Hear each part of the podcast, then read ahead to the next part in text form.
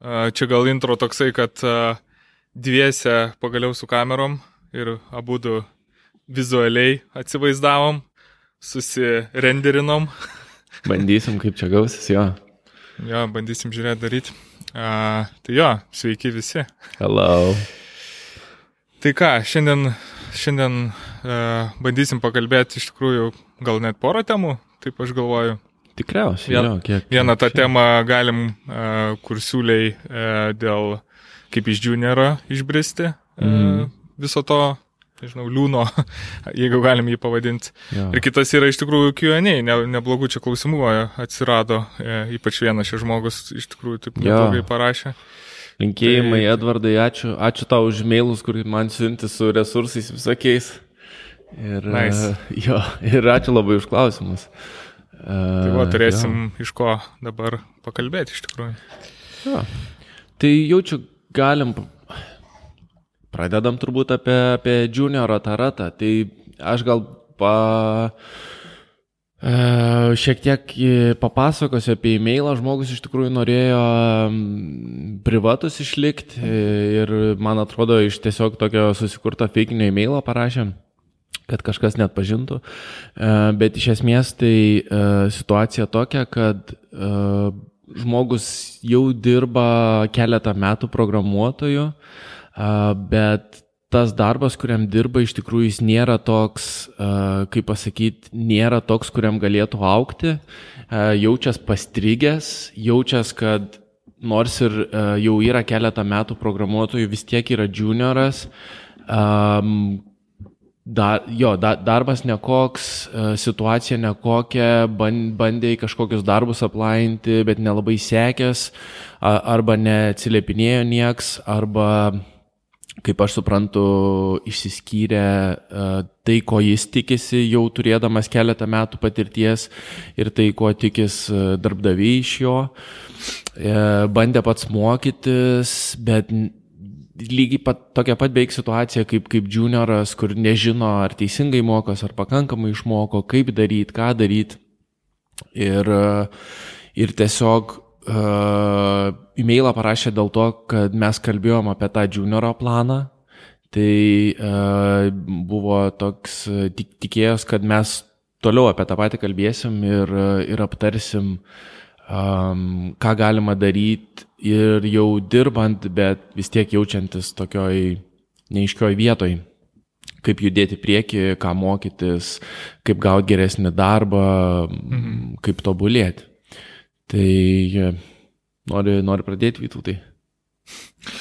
Nu, nežinau, čia iš tikrųjų labai toks platus, platus dalykas iš vienos pusės. Nu, mm, labai aišku priklauso šitie dalykai nuo pačio žmogaus ir uh, turbūt mes gal ir nežinom visų detalių, kaip tenais viskas e, behind the scenes yra, kiek pats žmogus moka, kiek jisai, e, nu, įdomu būtų netgi pasižiūrėti jo portfolio kažkokius darbus ir, ir panašius dalykus, nes, nu, kartais įsivaizdavimas turbūt būna labai irgi e, skirtingas nuo to, kaip tu įsivaizduoji, kiek tu moki ir kiek tu iš tikrųjų moki. Čia, aišku, persipina ir gal tie dalykai, imposterio visokie sindromai ir taip toliau, vieni mažiau iš savęs tikisi, bet iš tikrųjų gali, o kiti atvirkščiai per daug save pervertina. Tai, nežinau, a, visų pirma, aišku, liūdna, kad į- pati įmonė, kur dabar dirba, nelabai, kiek suprantu, įdomi ir, ir, ir nemotivuoja. Tai aš taip įsivaizduoju, gal kokie ir projektai ten, arba nežinau, kas ten per, nu, kokie darbai tenais yra, ne, čia liktai iš, iš pačio to laiško Aš kaip, su, aš kaip suprantu, ten yra biški daugiau detalių, bet um, aš ne, ne visą pasidalinau, nes aš prižadėjau, kad, kad nesidalinsiu ir niekada šiaip mhm. nesidalinu niekuo, bet um, iš esmės, kad uh, labai panaši situacija į tokius, kur uh, patenki agentūrą. Agentūroje ne tik reikia programuoti, bet dažnai yra tokie projektai, kur uh, vos ne WordPress'ą sukalt, mhm. vos ne ten kažkokius administracinius darbus daryti ir, ir net ne visada programuoti tenka, galbūt e, net kai moki kažkokius labiau advanced dalykus, nematai kažkokių galimybių ar, ar, ar vietų, kur juos galėtum panaudoti, nes nereikia, arba per brangu tuos dalykus daryti, arba negali verties jų parodyti. Tai, mhm. tai toks, toks reikalas. Nu, jo, čia tos, kaip pasakyti, mašinos, kur yra tų kaip jinai ta šiauliuose viena, kur vadinasi, ne, irgi kaip jinai e, didelė ta virtuvė e, programerių, kaip užsikirto pavadinimas. Šiauliuose. Kur daug, e, kur daug kepa, dabar yra ir, ir Vilniuje, ir, bet šiauliuose, man atrodo, ar ne jų pagrindas buvo. Ai, kokia nors, o net nežinau, žinok, man atrodo, aš... Nu, žodžiu, ne, ne, ne, nesvarbu, esmė, kad yra ta, to, tokios virtuvės, kur realiai tas kintamasis labai, nu, žmogus yra, ateina, išeina, ateina, išeina, tai nespėja netgi ir nusistovėti čia tokie mm. po bootcampų, gal ir, nu, jeigu, nežinau, ar coding bootcampą kažkoks, e, nu, buvo prieš tai, bet po tokių, vat, atrodo iš pradžių fan, bet po to, nu, šiaip aš manau, kad įmonės apskritai dabar jau atėjo tas periodas, kada nelabai žiūri taip smagiai galbūt į tos iš putkempo atėjusius žmonės, nes nu, dabar jau, ar nežinau, nusvilusių yra tų įmonių ar kaip.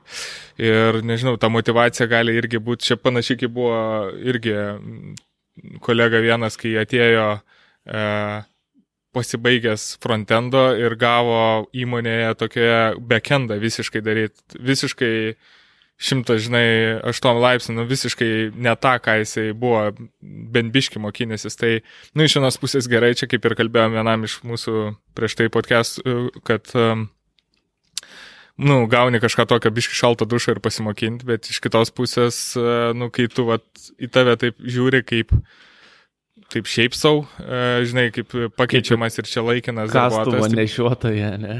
Nu, tai, tai gali būti irgi toksai, nu, demotivacija šiek tiek jaustis, nes, nu, aš ne, nekalbu apie visus, tikrai e, daug įmonių turi labai gerą tą mikroklimatą ir e, tas pradinis toksai būna, kai ateina tie, esu girdėjęs irgi, kurie ateina ir nu, tie juniorai arba naujai didesnė įmonė, kur jiems viskas yra per daug ir overheadas, bet labai jos gražiai apšildo, pateikia viską ir ten taip gerai padaro, kad po to iš jų pasakojimo atrodo, kad ten pati geriausia įmonė. Tai čia priklauso irgi turbūt nuo kiek advents pati įmonė, kiek jinai vertina darbuotojus ir kokio pobūdžio tie darbai visi. Na tai, nu, tarkim, Nes... kad e, nelabai gerai viskas įmonė yra.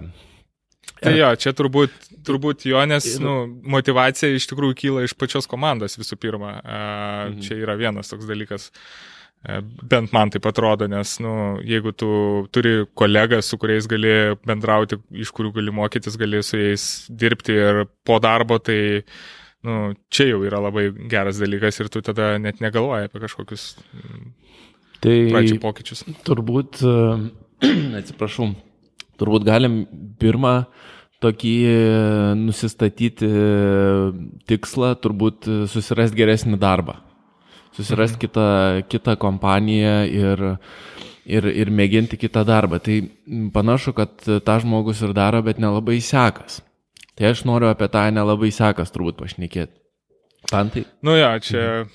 irgi irgi, nu, kaip ir pačioje pradžioje minėjau, kad labai įdomu iš tikrųjų būtų pamatyti, kaip, kaip visi tie reikalai yra su pačiu kodu ir kaip, kaip čia passionate žmogus yra ties visų dalykų, nes uh, vienas dalykas yra mokėti ir daryti dalykus, kodinti, gerai kodinti, pakankamai gerai kodinti būtent juniorų, e, ten iki mid-levelio tikrai labai daug tų klaidų ir, ir besimokinant keiti ir stilių savo ir, ir taip toliau. Bet man atrodo vienas toks didesnių galbūt dalykų ir kartais ne visi supranta ir čia labai iš tikrųjų subtilu yra suprasti tai tie vadinami soft skillai. E, kitaip tariant, kaip tu iš žmogiškosios pusės save pateikė į įmonę. Ne tiek, kiek profesionalas, ne tiek, kiek darbuotojas, kuris atlieka kažkokį darbą ir padaro, ko reikia, tiesiog sukodina kažką, bet kaip tu komandai dalyvauji, kaip,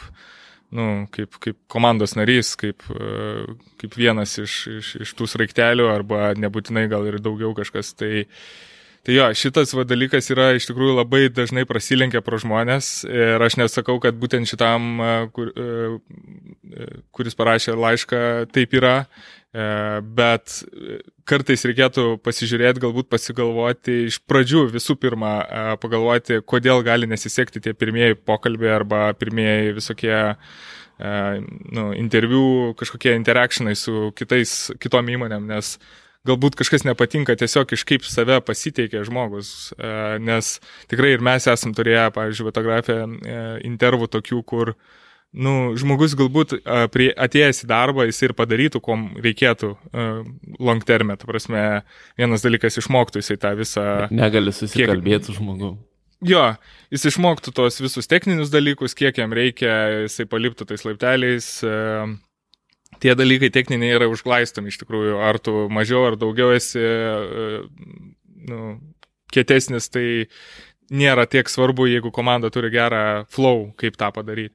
Bet vat, jeigu tu jau nuo pirmų tų pokalbių esi nu, neprakandamas ir tu su tavim netgi jau pokalbį yra sunku kalbėti, tai čia yra labai didelis toks kaip, nežinau, red flag e, kada įmonės iš karto atsisako, nes dabar pastaruoju metu, nu, iš tikrųjų, E, po tų visų ir bootcampų didelių, kur čia praėjo bangos, kada daug tų developerių prikėpė ir apskritai daug kas patys mokinasi, nes atsirado daug draugų, kurio, pas kuriuos yra programerių, tai juos ten užkabina, jie patys pradeda mokintis, tai dabar įmonės iš tikrųjų imasi ir renkasi daugiau e, žmonės su tais soft skillais ja. E, geresniais, su žmonėms, su kuriais tu gali pradžioje susikalbėti, o po to jau dirbti. Aš e, į kiekvieną darbą eidamas, man atrodo, patys svarbiausi buvo entuzijazmas, noras mokytis, jo. pritapimas, bent jau, kad būtų, aš tai vadinu tą alaus testų iš tikrųjų, ar, jo. ar eitum su tai žmonėm alaus, žinai, gerti ir, ir, ir, po, ir po darbo, ar norėtum su jais bendrauti, tai šitas. Tai jo, tai soft, soft skillai yra labai svarbu ir reiktų įsiaiškinti, ar su jais viskas gerai. Uh, kas yra gerai, kad su jais galima dirbti. Aš esu gyvas pavyzdys, socially awkward žmogus, kuris tiesiog po truputį, po truputį išmokau daryti tuos dalykus. Ir lik tai kaip ir ok sekas, nežinau. Plus yra knygų visokių, YouTube'ai aš įsivaizduoju pilni yra visokių patarimų. Ja, čia aš kaip sakau, labai subtilus dalykas, čia iš tikrųjų realiai, uh, nu, sunku save įsivertinti iš šono. Čia iš tikrųjų gal net reikėtų to tokio... Uh, kad kitas žmogus pasakytų. Jo, tau, tokio ja, ja, gal, ja, ja. gal kažkokiu momentu net skaudaus pasakymu, mm. kad blemba iš tikrųjų pas tave tas ir tas. Ja, ja, ja. Netgi uh, mano toks pasiūlymas būtų uh, gauti feedbacko iš pačių, kurie interviu daro. Ja. Jo, nes dažnai, nu, jeigu tikrai normali įmonė ten ne šiaip per kažką ten per pažįstamus bandai įsidarbinti ir yra visas interviu procesas, tai tu tikrai gali paprašyti, mhm. kad duokit man feedbacką, jeigu, sakykime, nepaėma tavęs, kad uh, ką aš padariau blogai, ko man trūko, ko jūs, sakykime, norėtumėt, kad būtų geriau, arba ko siūlytumėt man, nu, iš tų pačių interviu mhm. proceso, kas būtų geriau, ne, nepaisant ten techninių, jeigu net nedaita iki jų. Uh, Tai va šitie dalykai iš tikrųjų, jo, būtų, būtų labai gerai. Gerai, jeigu... tada galim pajudėti jaučiu link, link techninių dalykų ir aš galvoju, kad um, čia gal yra įgau reikalas, nes iš esmės tu jau būni pabu, pabuvęs programuotojui kažkiek laiko ir jau galvoji, kad turi patirties, bet galbūt tu esi vis dar junioras ir man buvo geras toks nušvitimas, kai Aš turbūt jau buvau developerių prabuvęs a, du, gal beveik tris metus. Ir a, tiesiog aš kalbėjau su savo klientu, kolega, nežinau kaip pavadinti tuo metu. Ir sakau, kaip man sekas, ką reikėtų mokytis, ką reikėtų daryti. Nu, tokį maždaug evaluationą tiesiog pats pasiprašiau pas, pasiaiškinti. Mhm. Ir jis sako, viskas gerai yra. Sako, kai, tu, kai mes pradėjom kartu dirbti, tai tikrai tu junioras buvai, tipo.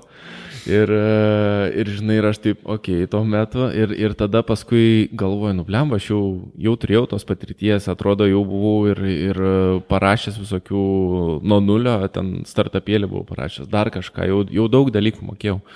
Bet iš tikrųjų, jo akim žiūrint, aš buvau dar junioras ir, ir tikrai turbūt buvau junioras ir dar skirtingose kompanijose skirtingai vertina. Aš įsivaizduoju, kad jeigu vat, mes dabar su savo, nežinau, kiek penkių metų patirtimi mėgintume įsidarbinti į, į fengą kokį nors, tai mes mhm. tikrai juniorai ten būtumėm. Ir, ir kažin ar, akivaizdu, kad ne, mes, mes dar net ne, nekvalifikuojam ten juniorais būti, realiai.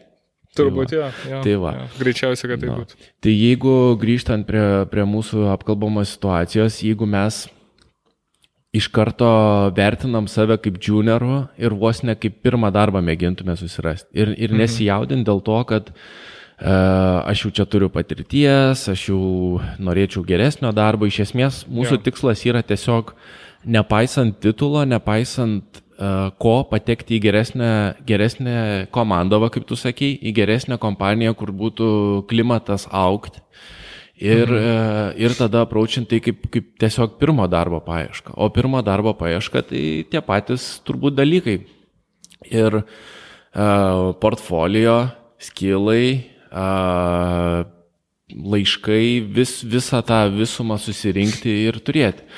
Um, aišku, su patirtim tas portfolio bus rimtesnis, tu- turbūt bus geresni darbai, Bet jeigu tą patį kodinų blogą perėjus ir pažiūrėjus ten visokių straipsniukų apie tai, kaip ieškoti pirmo darbo, manau, visus tos pačius dalykus aplainant e, galima, galima rasti.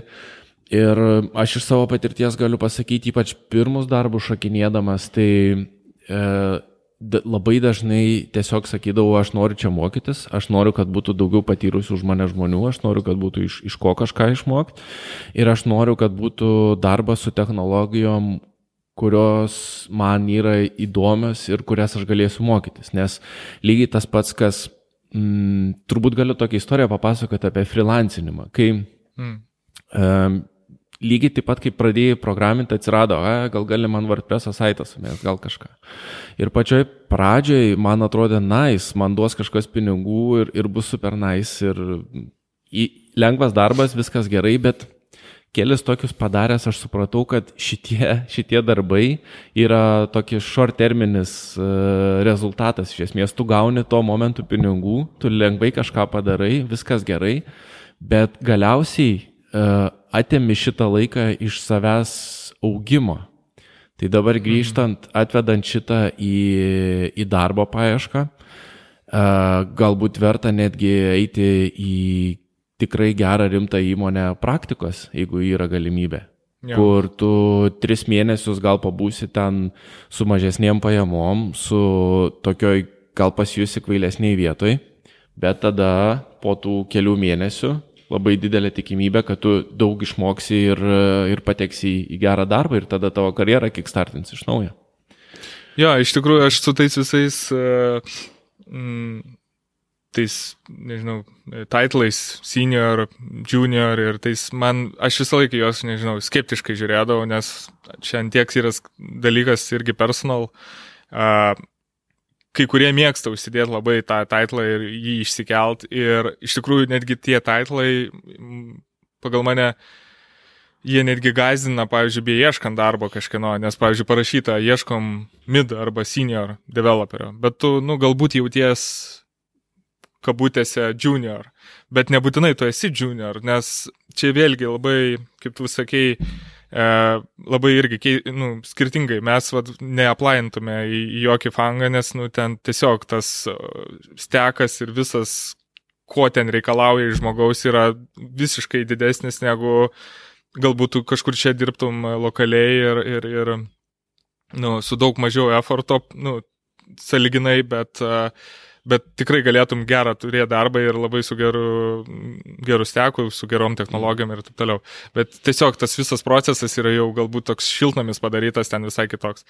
Bet esmė, kad jo, tie visi titlai, jie yra iš, iš dalies teisingi galbūt iš tos pusės, kiek tu dedi į save va, tos papildomo, papildomo darbo. Nes, nu, jeigu tu po penkių metų save dar skaitai junioru, nu, nežinau, ar tai yra logiška, bet tas toksai dalykas, kad uh, uh, irgi penki metai praėjo, aš jau viskas, senioras dabar, arba aš ten midas, tipo, išlipau iš to junior, bet gal tu tris metus ten labai paviršutinius dalykus darai. Tai čia iš tikrųjų yra toks bendras suvokimas, aš sakyčiau. Ir netgi mačiau tame, uh, kaip ten parašyta buvo, kad, kad, kad kur geriau orientuotis, ar į kažkokį gilesnį dalyką ties vienu kažkokiu steku ar full stack.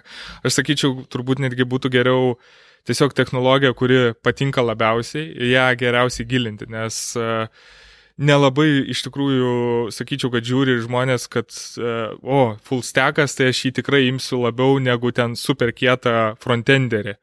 Nes, na, nu, galbūt būtent toj, toj vietoj, kur tavęs reikia, reikia būtent kieto frontenderio, o ne žmogaus, kuris biški palėtęs ir tą, biški palėtęs ir tą, ir aną. Visą laiką, aišku, yra gerai ir kuo daugiau prisitraukti e, tų terminologijos, e, visokių technologijų ir taip toliau, nes, nu, tiesiog į pokalbį geriau galima išeiti, nes e, paklaus tave apie kažkokius ten cloud functionus, jau galėsi papasakoti, paklaus, kaip tenais API-us susidėlioja, jau galėsi paaiškinti. Nors galbūt esi tiesiog front, su frontendu, su Reactu dirbi ar, ar su Vue. Tai tas bendras toksai išprusimas, aš sakyčiau, netgi yra labai svarbu jį turėti. Ir, nu, jo, e, nesilaikyti tos tokios to titlo labai mhm. prisirišus. E, manau, jis labiausiai įsivertina tada, kaip tu pasirodai pačiam interviu. E, netgi iš tikrųjų po sudegusio ar ten gero interviu tu gali pats save net pamatyti, o blemba, aš čia bandžiau e, aplainti, pavyzdžiui, kažkokį mid arba senior ir ten visiškai sudegiau. Mm. Nu, nieko nesigavo tai galbūt iš tikrųjų tu dar netraukiai iki to lygio. Bet jeigu tu aplaini, pavyzdžiui, kokį nors, galvoji, kad esi, ai, čia junioras ir nieko, ir pabandai ant bairio paaplainti į senior ir tau sako, ateik čia. Ta prasme, mes tavęs ir ieškojom. Tai yeah. reiškia, arba tu save per, nu, nusivertini per daug, arba tiesiog, nu, tas technologinis, vat, čia labai toks relativus dalykas, labai sunku pasverti iš tikrųjų netgi ir patiems tiems interveriams.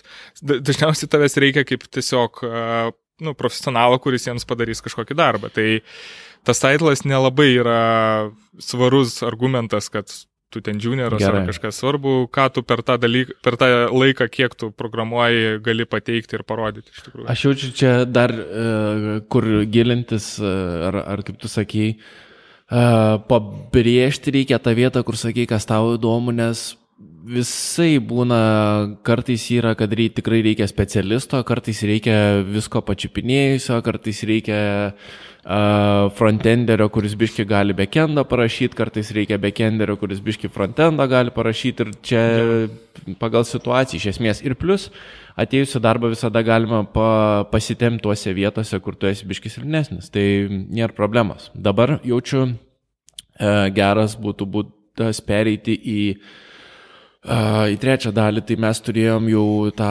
požiūrį ir soft skills, tada mes turėjom tą, kad nereiktų savo uždėti kažkokio tai titulo ir, ir tikriausiai apraučint kaip naują pirmą darbą.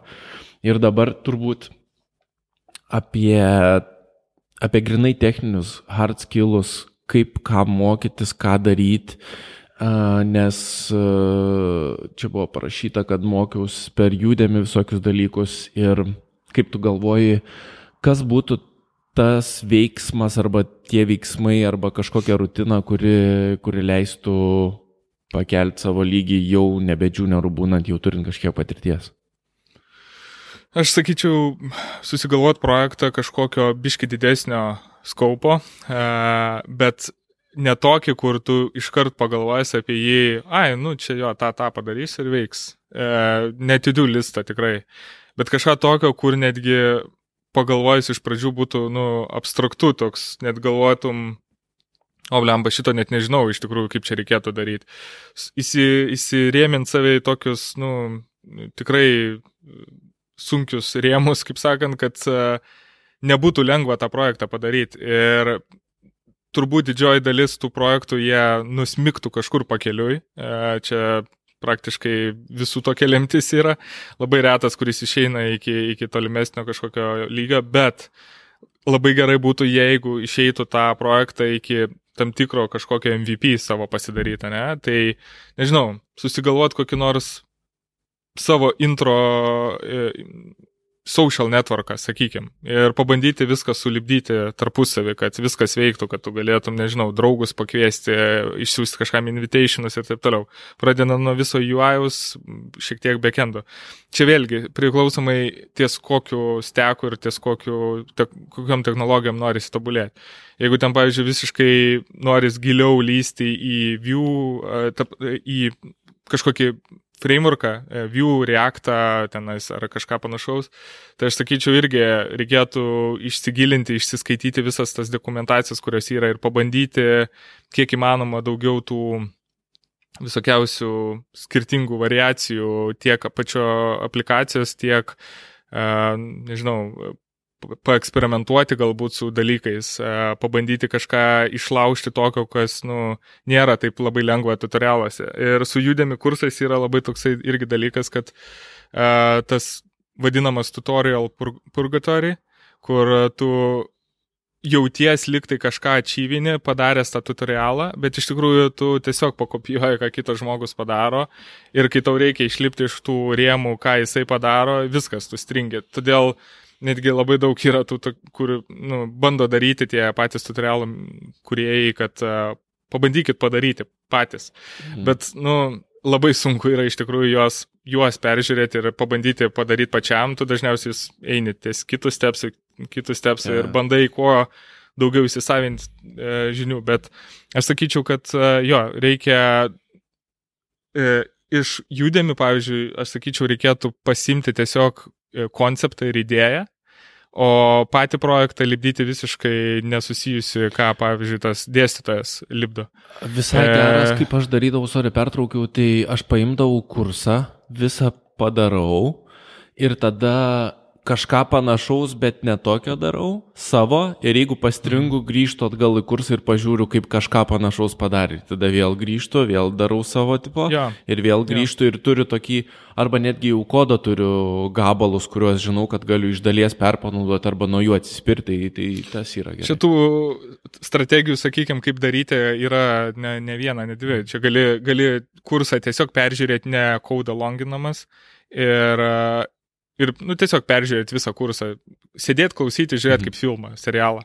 Ir po to e, visiškai iš galvos bandyti atkopijuoti, tarkim, gali taip, e, gali, nu, kaip tu sakai, va, padarai kažkokį jo konceptą ir po to pabandai savo prilibyti arba paekstendinti dalykus. Nes, nu, mes jau šitą tikrai apkalbėjom, kad kuo tu daugiau atsirimi tas tokias sunkes e, situacijas, tuo tu labiau mokiniesi ir netgi uh, tas experience, sakykime, kad tu ten pasinagrinėjęs, pabandęs React ar padaręs ten judėmi vieną, trečią ar net ten penkis projektus, bet jeigu tu kartu su dėstytoju padarai, nu, tai jie niekada nebus tokie, kur tu visiškai iš oro pats sugalvosi kažkokią idėją ir ją pabandysi gyventi, nes jokingai yra, kad netgi pabaigus ten tų kursų, ten kartais tie kursai būna gana advanced, su kokiais nors, nežinau, super gerais UI'ais ir UX'ais, bet uh, reikia padaryti pačiam kažką ir pastringiam paprastų batonų dažnai. Mm. Nu, būna kokį nors labai paprastą dalyką, kur atrodytų, nublemba, aš tiek kursų praėjau, bet vis tiek stringu, kas čia yra. Tai vad, reikėtų turbūt įeiti į tokią fazę, kada tu labai gerai jauties su tą technologiją, kuri, su kuria tu nori išmokti. E, nu, jauties ramiai, sakykime. Aš man asmeniškai, ne, view patinka. Tai aš e, ne tik e, ten kažkokius kursus, na, aišku, darbė pas mane yra kasdienybė ir gyvių, bet aš vis tiek seku naujienas, žiūriu naujus kažkokius pluginus kažkas gamina, kažkokius tai uh, nežinau, naujas idėjas, konceptus atranda, galbūt ten kažkokį validationą skirtingą ar dar kažką. Žmonės išradinėja, ypač open source community mhm. ir yra tikrai daug newsletterių, kur galim gauti kažkokius naujus, pavyzdžiui, ten tos pačias uh, bibliotekas naujas ar, ar eiti jas pasinagrinėti, pasižiūrėti, pasiskaityti komentarus, ką kiti žmonės rašinėja, nes Jo, kai tu įneri tą būtent patinkančią technologiją, tada nu, tikrai gali patapti gan aukšto lygio būtent tos technologijos specialistų. Netgi čia vad grįžtant šiek tiek į antrą dalį, kur kalbėjo mane dėl techninių ir to viso titlo, tai aš netgi buvau irgi intervą gavęs ne pats ieškodamas, o man, mane, man parašė. Ir toks interviu ir viso to e, prieimas prie darbo pasiūlymo buvo labai įdomus toks kaip, nežinau, posūkis. Iš pradžių manęs pradėjo klausinėti tiesiog, kaip galėtų, nu, tiesiog telefonu, mm. kaip galim būtų paimprovinti jų aplikaciją ir taip toliau. Kaip, nu, sakykime, paprasta, paprastų keletą klausimų uždavė ir kaip galim būtų pagerinti šitos dalykus. Nu, ir ten telefonu maždaug taip iš galvos pasakai. Ir tada per tą žmonės supranta, kad tu, nu, bent jau net nematęs kodo gali suprasti, apie ką eina kalba ir kad tu suvoki dalykus. Ir tada jau e, toks posūkis gavas ir prieina prie pačio interviu, nes pirmą patikrina tavo apskritai suvokimą ir kaip tu mm. tokioje situacijoje, e, kaip sakant, išsivartai.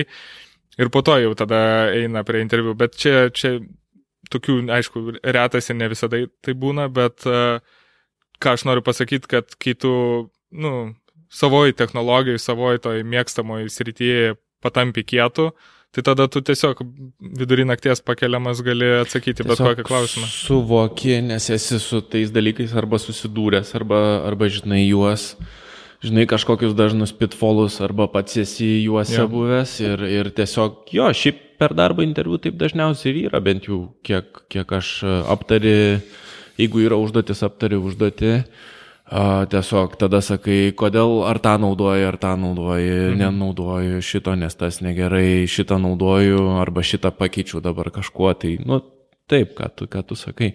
A, gal aš dar biški apie, apie side projektus noriu pridėti, mes aišku daugiau kalbėjom apie juos, bet a, aš turiu tokias kelias taisyklės side projektam, tokias kaip a, idėjas, kurias reiktų sekti. Tai pagrindinė idėja turbūt reikia daryti kuo mažesnį, nes e, jeigu paimkim, tarkim, kokį nors Instagramo kloną, tarkim, aš mėgstu klonus labai dėl to, kad e, visas funkcionalumas, išvaizda, daug dalykų yra jau apspręsta, tau mm. iš karto tas e, mental loadas nusiema, nebereikia galvoti apie tos dalykus. O tada toliau tai visada daryti kuo mažesnę versiją, e, visada ją viešai paleisti ir kiekvieną kartą nors kažką padarius vėl išpušint tuos atnaujinimus, vėl juos viešai paleisti ir, ir taip dalim dėlioti, tarkim, į tą patį Instagramą pažiūrėjus. Galbūt iš pradžių nereikia jokių userių, nereikia nieko. Ateini, yra upload mygtukas ir rašai vardą, įkeli nuotrauką. Ir tada rodo feedė visas nuotraukas. Tada sukuri userį. Useriui duodi tik e-mailą ir, ir vardą užsidėti, ir pasvardą, ir kelti nuotrauką. Tada darai gal jau, kad userį biški galėtų taginti, pavyzdžiui, vieni kitus, ar ten yeah. laikinti, ar dar kažką. Ir kiekvieną kartą yeah. po tokį mažą gabaliuką ir jį paleidi. Mažą gabaliuką paleidi, rodai draugam ir, ir taip, taip judi, judi, nes pliusas šitame yra pats didžiausias, kad jeigu tu kažkada nebegalėsi prisidėti prie to projekto, tu vis tiek turėsi kažką parodomą, ar eisi į darbą, ar, ar kažkam norėsi parodyti, jau sakysi, va, aš padariau tik nuotrauko aplaudą, bet jeigu tu turėsi padaręs, bet neišviešinęs didelį kažkokį daiktą, tai jo, šio naudos absoliučiai nulis bus. Tai, jo, nu, visų pirma, jo, kai už, už, užsivarai tą tokį, o čia man reikės visą tą tokią Instagramo, čia pradedi galvoti didžioju to visų mm. lygmenių, kad čia man reikės userio, čia reikės autentikacijų, lalala. Tai jo, tada labai stringa darbai ir tiesiog, nu, buksuoja, buksuoja, kol dažniausiai užbuksuoja. Tai jo, nusikirpti iš pradžių tos sunkesias dalis ir po to jas prilipdinėti, prilipdinėti, bet m, mm, aišku, jų nepraleis, nepadaryti vien tik tai pliko UIOS, kuris yeah. labai, nu, ten lengvai surenderina, nes, nu, irgi tai nėra kažkas, ką gali labai super parodyti. Bet jo. Tai cool. Nu gerai, dar, dar reikėpa soft skillai, uh, titulai, tada kaip mokytis realiai daryti side projektą ir uh, mest savo šiokį tokį iššūkį, kad kažką naujo pamėgintum, kažką sunkesnio, ne tik tą, ką, ką esi daręs. Šiaip, šiaip dar toks irgi mm. geras dalykas yra ir pastebėjau, tai veikia, kad uh, tą patį portfolio savo, ne, uh, nedaryti ten CV, tiesiog CV. Uh, ir užpildyti kaip paprastą darbą aplajantum, uh, bet uh, pasidaryti kažkokį tokį smagų websaituką apie save. Labai dažnai daug kas daro ten kokią nors su animacijom, su dar kažko. Šiaip vat, vienas, kur man nu, toks įsimintinas yra ir E, čia buvo grinai ta Tailwind e, komanda, kai ieškojo žmonių, Tailwind UI'aus viso, na, apskritai Tailwind CSS visos komandos, buvo paskelbėję nu, viešo konkursą, kad va ieško tos ir tas, kas pas juos pateks, o ten, nu, kosmosas, e, atlyginimas ten belio koks amerikietiškas Prestižas, ir taip toliau. Tai, tiesiog norėjo dirbti. jo, prestižas vien dėl e, netgi ir pačio to, e, nu, kur tu dirbtum, čia kaip kokiam, žinai, mikro, mikro Facebook'e, bet jo, čia buvo toks žiotažas, atsimenu labai čia Twitter'e pasiskelbė, ten visi e, varė. Tai gal, galų galiausiai kas laimėjo, tai laimėjo toks belgas. E, Bahuriukas jisai pasidarė grinai tokią visą portfolio grinai iš pačio Tailwindo. E, viską su Tailwindu ir jisai surašė, nu, grinai savo, ką jisai veikia, bet panaudoja praktiškai vos ne visas Tailwindo, k- ką ten galima, funkcionalumus. Ir tas visas portfolio gavos toksai praktiškai, ką jis gali padaryti su Tailwindu. E, nu, tokį išlaužį. Kitchen sinką E, padarė. Jo, ne tai, kad jis ten kažkokį bootstrapą, žinai, uždėjo, sudėliojo elementus viskas, bet jisai išnaudoja visas galimybės pačią to Tailwindo, aplaindamas į Tailwindą. Tai, Perfekt. nu, tu realiai tiesiai ant lėkštutės viską padedi. Tai tiem e, nu, darbdaviam net nereikia galvoti, ar tu moki su Tailwindu daryti, nes, nu, tau tiesiai. Tai vad, e, jo, tie tokie smagus portfoliai iš tikrųjų irgi čia vienas dalykas, tu irgi pasimokini, pasidarai kažkokį kaip ir side project iš dalies.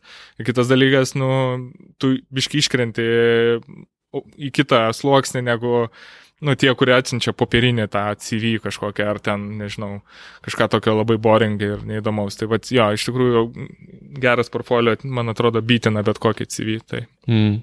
Jo, CV tai tik tai kur. Ir ten nebūtinai gali būti netgi, kad ten tu susirašęs, kokius darbus esi padaręs. Tas nėra netgi galbūt būtina, ten svarbiau apie save labiau pateikti kažkokiu tai, nežinau, kampu kitokiu negu šiaip įprasta. Tik nepersuidykit su visokiom animacijom ir dalykai Jo. sko, skoningai turi būti, galbūt viena gera animacija arba satul kažkas subtilaus tokio nu, nukirs, kur ten viskas Jo.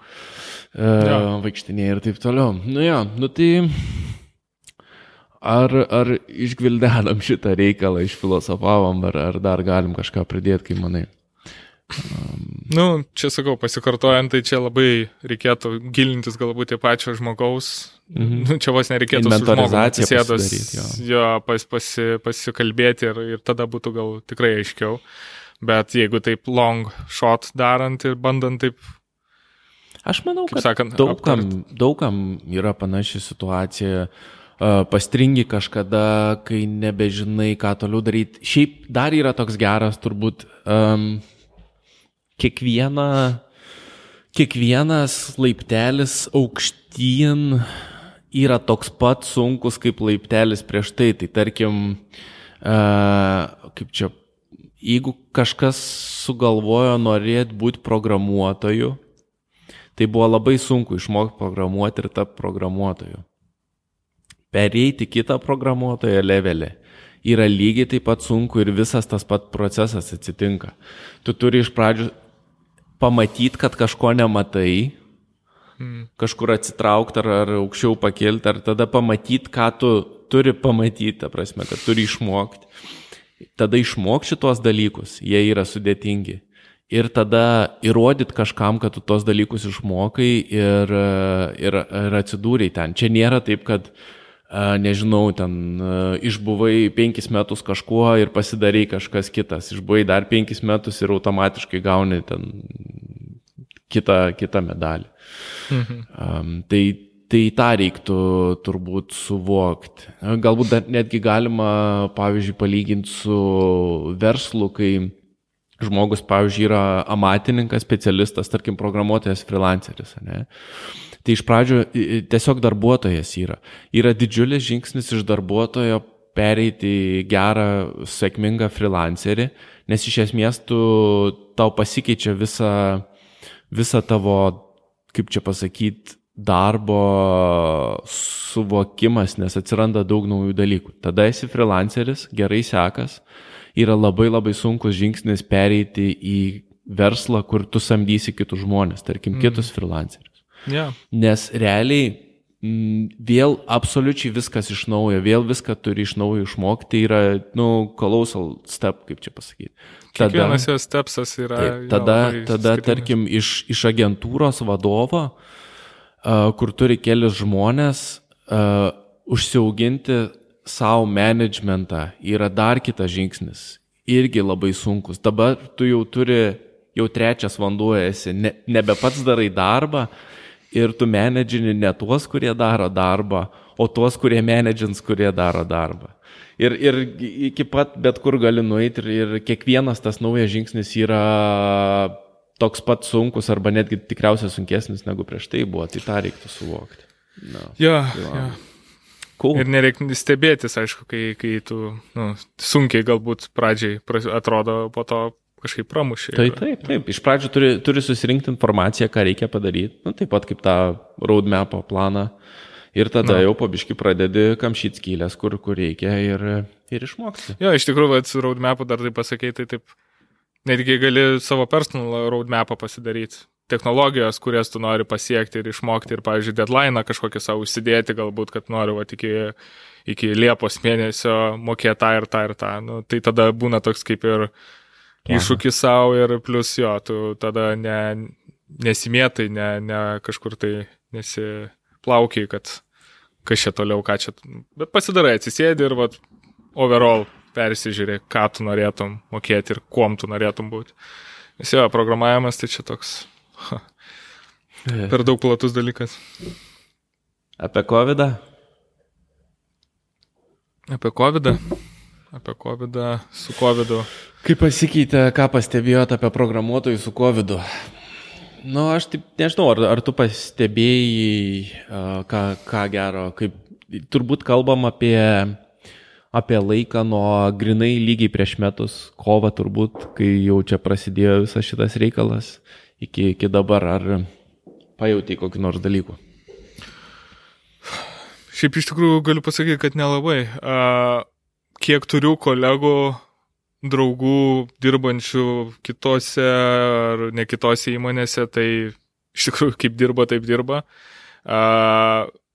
Nu, programuotojo toksai jau labai geras dalykas yra, kad tu, nu, praktiškai mūsų nelabai čia kas ir įtakojo tas visas COVID. -as. Nu, pasakė, kad dirbsi iš namų, okei, okay, pasiemiau tą laptopą, nusinešiau namo ir toliau tą patį darau.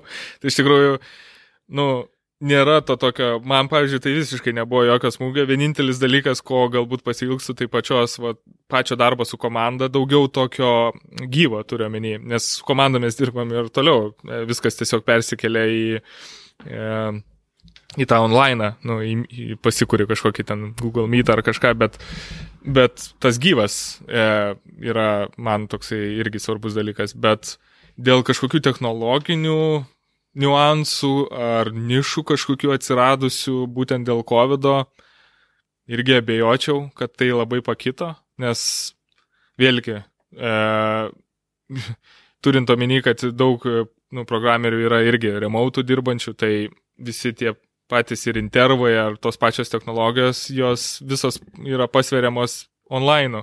Ar buvo COVID ar jo nebuvo, vis tiek lygiai tas pats procesas. Tai iš tikrųjų toks mes labiausiai turbūt e, programeriai buvom unshaken, žinai, kad nu, niekas pas mumis praktiškai nepasikeitė. Tai jo, čia gal labiau va, žmonėm, kurie daugiau su, su, su žmonėm turi bendrauti ir, ir kažką daryti, va čia buvo didžiausias. O aš smūgis. tai pastebėjau, žinok.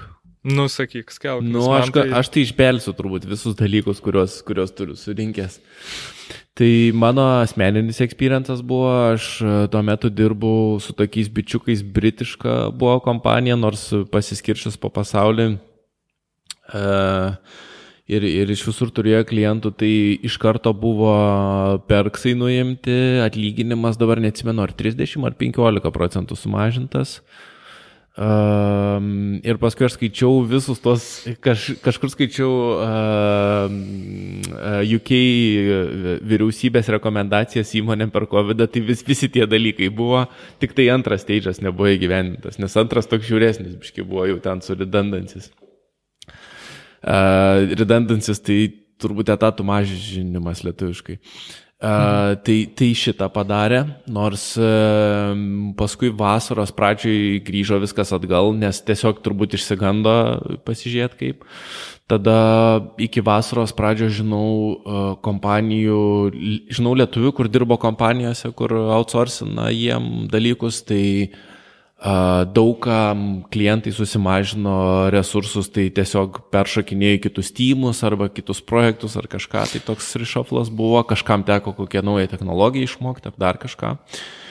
Tada norėjai sakyti kažką. Ne, aš nu, norėjau tą tokį, kad jo, dėl tų vat, uh, parišaflinimo ar, ar, ar, nežinau, aš irgi girdėjau tokių keletą niuan, nu, vietų ir, ir, ir, ir įmonių, kurios grinai COVID straikino ir atrodo darbai dingo, nes, nu, vėlgi čia priklauso, koks būtent tavo tas projektas, prie ko dirba tavo taip, ir prie ko tu programa. Savo pro, jo, visai kitaip yra. Taip, taip. Tai va tas programavimas, nu, vėlgi, jo, tu, tu gali nukentėti, jeigu tu darai kažką tokio, kas buvo, nu, labai svarbu neturėt COVID. -o. Ir, mhm. nu, tai faktas, tai aš irgi girdėjau tokių, kai kurios įmonės labai taip keistai dirbo ties, uh, uh, sakykime, nežinau, ar tai biudžetai tokie keisti sudėlioti, ar kažkas, kad liktai COVID sulikta diena, viskas mes nebegalim išlaikyti programą. Balandį keičias uh, mo, uh, mokestiniai metai daug kur. Nu, tai turbūt. Tikriausiai sutapo, žinai, reikia pasitvirtinti naujų metų biudžetus, op, kaip tik atėjo toks, mm. viską, viską pasikeičia. Jo, tai vad, jo, turbūt labai čia taip sukrito tas dvi, žinai, tokios uh, yeah. datos. Tai, tai, tai va, bet Um, tai, tai čia tokie buvo, bet aišku, įmonės visur bandė išlaikyti programuotojus ir išlaikė, aš nemanau, kad pradėjo dropin mesti programuotojus dėl to, kad nu, tiesiog per brangu yra pasisamdyti iš naujo. O, bet buvo tokiem, kur ir labai gerai, va, čia kolegai, kuris dizainus daro ir, ir logotipus ir viską, tai jam buvo tiesiog sakė, nebespėjau dirbti, nes kažkodėl visi norėjo naujus verslus pradėti ar kažką visiems reikėjo brandingus darytis. Na. Jo, į šopai visi atsirado, ta prasme, daugiau pradėjo visi keltis, nes, nu, sėdi namuose gerai, gal reikia kažką pardavinėti, man reikia ja. į šopą kažką suprograminti. Kas, kas kompus pardavinėjo, kas uh, tokią ofiso techniką, žinau, tiem žiauriai gerai buvo, bet aš čia, čia su programavimu nesusiję, bet gal iš dalies uh, Žinau, kad, kad jiem labai gerai sekės, sako, jau kalėdinių režimų varom, kad, kad labai, gerai sekas.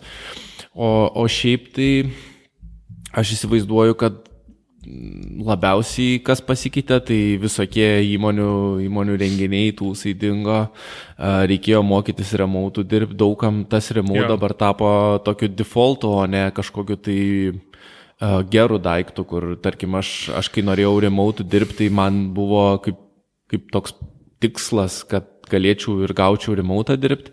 Ir dabar tas remotas jau pasidarė kaip, o, ateik remote dirbti, nes mes gal net negalim tavęs į ofisą pasikviesti. Dažnai taip yra, tai negali. Tai čia gal aš tokį iššoviau iš karto labai personal nuo savęs, žinai, kad niekas nepasikeitė. Iš tikrųjų viskas pasikeitė, visi manau, kad... visai kitaip dirba. Ne, aš manau, kad nepasikeitė, bet, bet e, šiaip tik, tik tuos galiu dalykus pastebėti.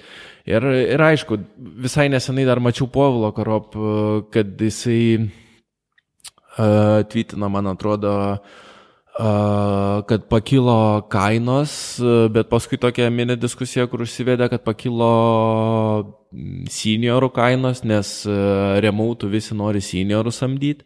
Ja. E, junioram remautų labai sunku dirbti yra ir sunku juos yra, kaip pasakyti, coachinti ir mentinti. Nu, ja, jie dar turi tą tokį kitą dar dalį, kurią turi irgi išmokti, o seniorai tiesiog ateina ir jau...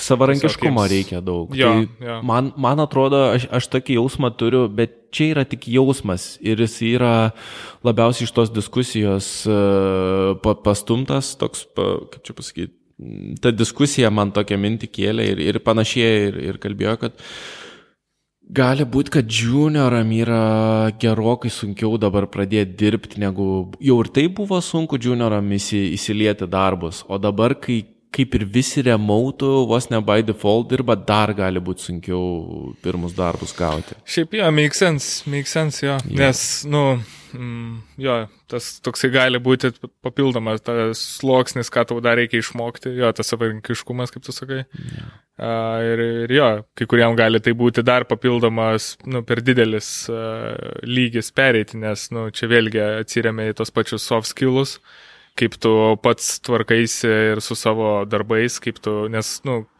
e, galbūt kai esi junioras, atėjęs į įmonę gyvai, gauni menedžerį, gauni kažkokį vadovą, kuris tau, nu, su, su, viską sudiktuoja, viskas kaip ir aišku, ir tu mažiau turi šansų pabėgti šoną, nu, sakykime, nu, ne, ne, kažkur tai nesimėtai po savo darbus ar kažkur. Tai, jo, dabar kai remautų, kai tu esi atsakingas daugiau už save ir už to, ką tu deliverini, tai jo, juniorui, kuris galbūt nesupranta bendro viso skaupo, viso projekto ir, ir kaip svarbu yra kiekvienas dalykas padarytas, kartais gali, nu, arba atrodyti viskas per daug sunkiai, nes, o, Jėzus kiek ant manęs čia deda, arba kaip tai gali per daug atsipalaiduoti, nes, nu, tiesiog nesupras, kad tavęs laukia jau kiti galbūt ir, ir kaip veikia tas visas variklis viso didelio projekto. Ja. Ja. Tai Ne, taip jau ir pasikeitė. Iš tikrųjų, visi, visi susibavo, nes nežinojo, kas bus, paskui sako, new normal yra. Ir, ja, tai. Atsiprašau, ir, ir judam toliau. Ir, ir tikriausiai developeriam iš vis čia yra toks tiesiog, kaip tu sakai, kompą parsinešiu namus ir, ir toliau dirbu. Ir, ir ja, aišku, ne visi irgi gali tos namus parsinešti, galbūt kiti neturi tos peiso savo, kur ten galėtų susikaupti ir dirbti. Tikrai kiti nu, norisi ir tą ofisą išeiti iš kito produktivumo pasikelt, kiti galbūt vien tik ir norėjo darbo ofisinio, kad galėtų mm. tą įgyvendinti ir dabar jie turi vėl grįžti atgal į namus ir dirbti iš namų, kur jie negalėjo dirbti. Tai jo, čia tam tikrų išbandymų tikrai atsirado visiems, bet manau, jo, kažkiek visi adaptinos ir susitaikęs. Jo, aš, aš tai pavasarį, tai buvau parsinešęs kompą į namus, e, nes daug tokio neiškumo buvo, bet dabar mm, rudenį tai tiesiog mes čia visi, kiek ofise 3-4 esam, kažkaip išmokom taip um, su pasitikėjimu vieni kitų žiūrėti, kad kažkas kažko neužneš. Ir iš tikrųjų viena kolegė sirgo COVID, bet jinai super gerai sureagavo. E, jinai, net ne jinai, o kai šeimos narys pajuto simptomus, jinai iškart izoliavos ir jinai irgi turėjo. Ir aš netgi tyrimą dariaus, bet aišku, neigiamas buvo, tai Tai nice. Nu, tai va, tai aišku, yra kažkokia rizika, yra, kad ne, ne taip viskas gerai, bet man namuose labai sunku dirbti ir asmeniškai, nežinau, aš, kad remautų vis tiek ofisą ateini. Na, nu, aš irgi, pavyzdžiui, uh, nu, pas mane nebuvo galbūt tos, um, kaip čia pasakyti, uh, geros kėdės, neturėjau gero tokio setupo, žinai, e, dirbti iš namų. Mm. Tai jo, aš viskas ok, galiu dirbti, ir, bet, nu, tai kokia nugarabiški paskausa, nes vis tiek darbė yra geresnis, viskas supirkta. Ir va dabar aš atėjęs irgi esu iš ofiso, nes vienas pats ofise dabar. Aišku, ateina kolegos, kai kurie irgi pasimaišo, vieni ten, nu, vieną dieną vienas, kitą dieną kitas, bet Bet jo, e, namuose man gal reikėtų daugiau netgi susipirkti ir daugiau visko susidėliot, kad dar geresnis būtų tas output viso to darbo, negu kad darbė, darbė, du ekranai, viskas pateikta, stalas pakeliamas ir taip toliau. Tai, nu, aš to namuose nenorėjau investuoti, nes, nu, namai vis tiek yra namai, o dabar tą reikėtų galbūt daryti, žiūrint, mhm. kaip čia toliau viskas vyks. Gal jau reikėjo anksčiau tą daryti. Tai, nu, kol kas yra taip Tikėkime, kad greit atsipalaiduosim. Susiskėpėsim ir ramiai toliau gyvensim, man tai ja, taip atrodo, irgi. žinai, čia. Manau irgi. Na, tuoj prieisim eilės ir, ir kulbus. Gerai, tai galvoju, reikia atsakyti apie pinigus greitai šitą, nes jisai toksai easy ir tada galėsim tokį rapid fire padaryti su Edvardo klausimais. Mhm.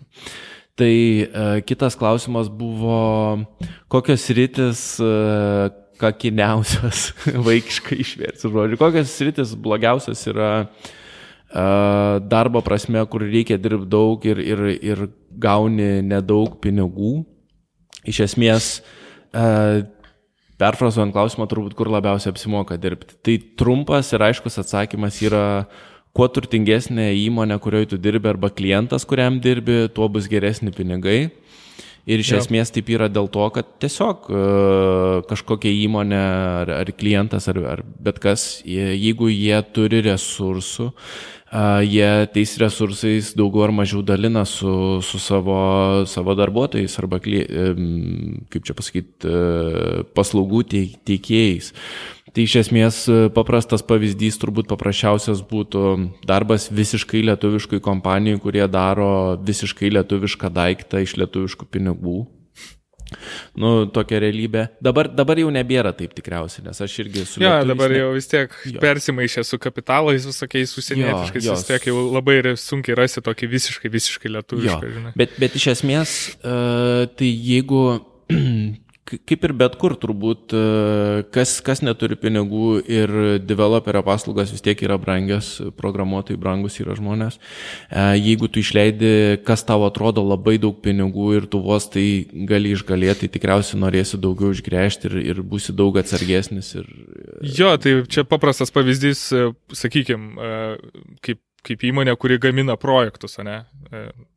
Tai viena įmonė galėtų gaminti projektus ir jinai nuo projekto iki projekto vos sukapsiai pinigai ir, pavyzdžiui, juos daro už pigiai arba daro už kokios nors technologijos, pro kurias gali biškai sutaupyti ir taip toliau. Tai reiškia, jie, nu, turbūt, nežinau, arba samdysis darbuotojus, kuriems mažai reikės mokėti, arba, nu, jie tiesiog negalės mokėti ir, ir su tavim ten pradės žaisti dar kažkas. Bet lygiai taip pat ta projektų gaminimo įmonė gali būti kokia nors, kur ten dirba su pasauliniais brandais ir daro projektus būtent pasauliniams brandams. Lygiai tas pats ir ta ir ta įmonė jos gamina projektus, mhm. kažkokius deliverina, turi programuotojų bazę, turi programuotojų kažkokius komandas, kurios gali pagaminti kažką, ne, dedikuotas. Tai bet kapitalai ir, ir prie ko jos dirba, nu, gali žiauriai skirtis. Tai vėlgi čia negali api, apibūdinti, kad būtent va, čia yra žiauriai lievai, čia yra žiauriai gerai, nes, nu, ja, čia labai gerai tu pasakai, kad tikrai nuo įmonės pačio turtingumo labai priklauso. E... Darbo tempai turbūt irgi priklauso nuo kultūros ir įmonės ir to, kaip dirba čia, čia yra atskiras reikalas. Ir dar, dar vieną aš turbūt norėčiau pastebėti yra um, kaip įmonės renkas arba kaip tu pats renkies kokius santykius, nes vieni santykiai yra tokie, kur uh, tu gauni mažiau pinigų, bet gauni daugiau visokių pašalinių dalykų, visokių perksų, gal ja. kompa nauja tau visą laiką duoda, sumoka visokius ten tūsus ir uh, sporto salės draudimus, į konferenciją siunčia ir kaip ir tavo tas atlyginimas nėra toks didelis, bet tu gauni daug visokių dalykų. Kitas yra, kur tu absoliučiai nieko negauni, bet gauni tuos, tuos dalykus, kuriuos įmonė išleistų tavo visokiem kitiem dalykam pinigais tiesiog. Jo. Tai čia turbūt tai, reikia rinktis. Jo, reikia pasvarstyti, kas, ką, kas Nes, kam svarbiau. Pavyzdžiui, aš, aš visada linkęs dirbti taip, kad tiesiog visus pinigus gaunu ir man nesvarbu visi tie ferverkai ir morkos, bet žinai, reikia nusipirkti savo kompą, reikia į konferenciją, gal nevažiuosi, nes 3000 išleist, kad ten prisirinktum tušinukų ir pasižiūrėtum, ką YouTube gali žiūrėti, biškis kaudokai. Nu, bet uh, iš kitos pusės, žinai, gauni, gauni savo pinigus ir tada gali, gali galvoti, ką tu pats nori. Tai čia labai svarbu jo, jo. pasirinkti. Ta. Bet aišku, čia vat gal e, dar taip greitai yra gan sunku iš tikrųjų įsivertinti, galbūt iš pirmo žvilgsnio, e, kokią įmonę, kokį kapitalą turi ir ar jinai mhm. tau galės mokėti normalų atlyginimą ar ne. Tai čia, na aišku, e, tos tokios jau labai varganos e, firmos, jos jau ir netgi tie CV galbūt būna tokie labai tokiuose ir varganuose CV visokiuose bankuose ir taip toliau, nu kur, kaip pasakyti, nebūtinai tai yra, nu, kaip taisyklė, bet uh, matosi netgi iš pateikimo, kaip, kaip ieško žmogaus, galbūt, uh, nu, tokie, kurie neturi didelės ir geros tokios komandos ties pačiu to. Matai, kad neinvestuota į procesus jo, arba į... Human resursai patį... arba tas mhm. pats -hmm. visas marketingas jų nėra toksai, kur jie pateikia save gerai, tai reiškia, nu, turbūt jie ir... E, ten taip aš irgi žiūrėčiau keistai, bet jeigu matai, kad labai toks, nu, įdomiai apsirašė, yra įdomus e, technologinis tas tau pačiam yra įdomu žiūrėti, ką jie daro, tai tada tikėtina, kad jie bus, nu, tikrai e, kietesni šiek tiek. Jo, signalų yra visokių, taip. Um, ja, ja. Tai um, pinigų klausimą išgildenom. Rodos, nu, vėlgi. Čia toks greitas iš tikrųjų, per, per daug ne, nesikilinant. Uh, tai darom tada greitus klausimus. Pirmą, aš tavęs išklausinėsiu, tada tu manęs galėsi išklausinėti. Nu, davai.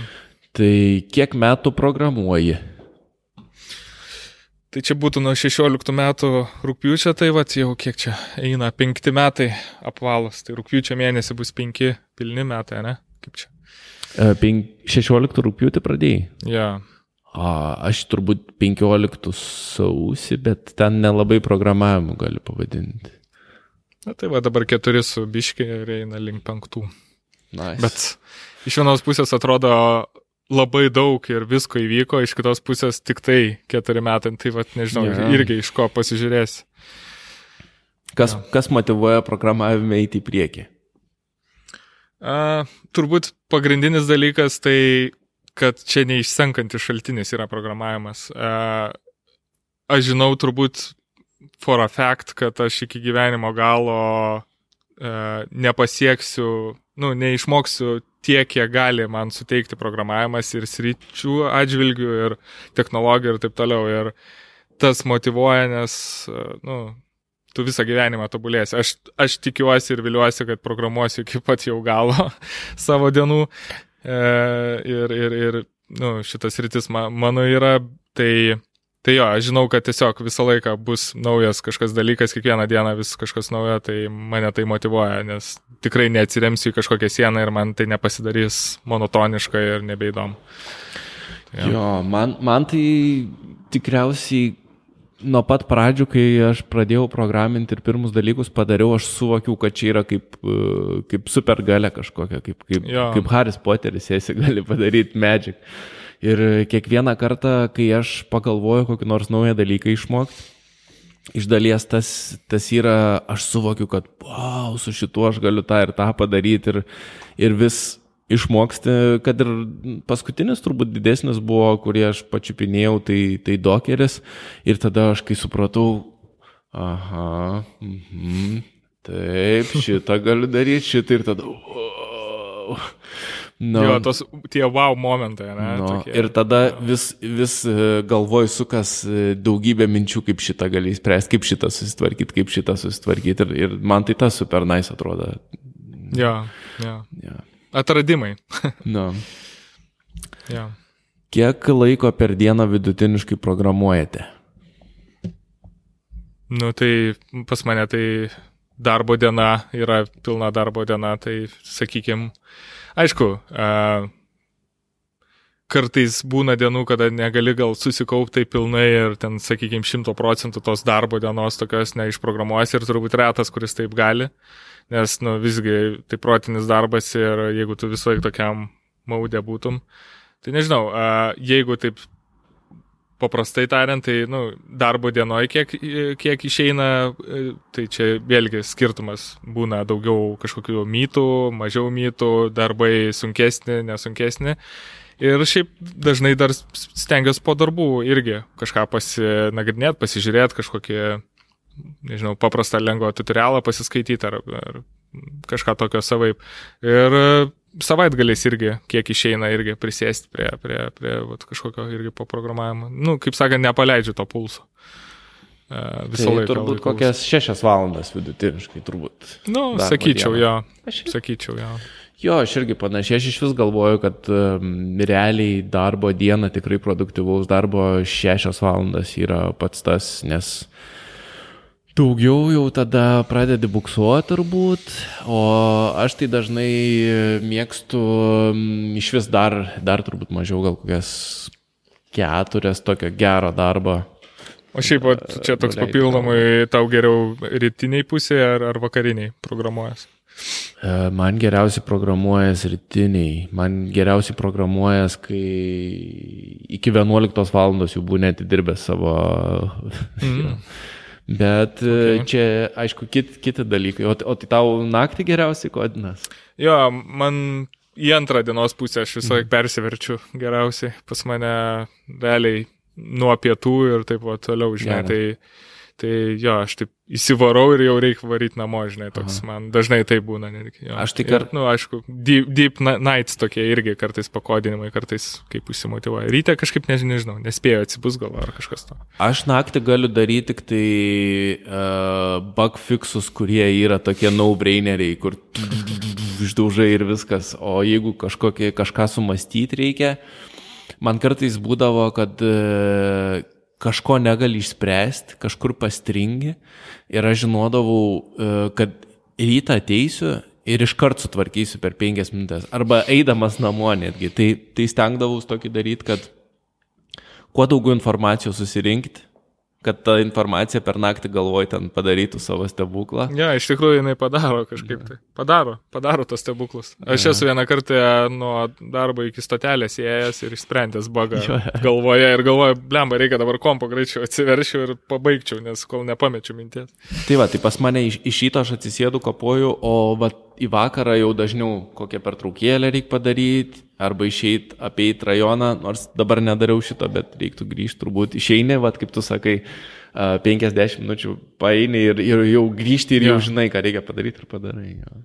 Ja, nu, biški skirtingai mes. Tai galėtume gerą komandą turėti, žinai.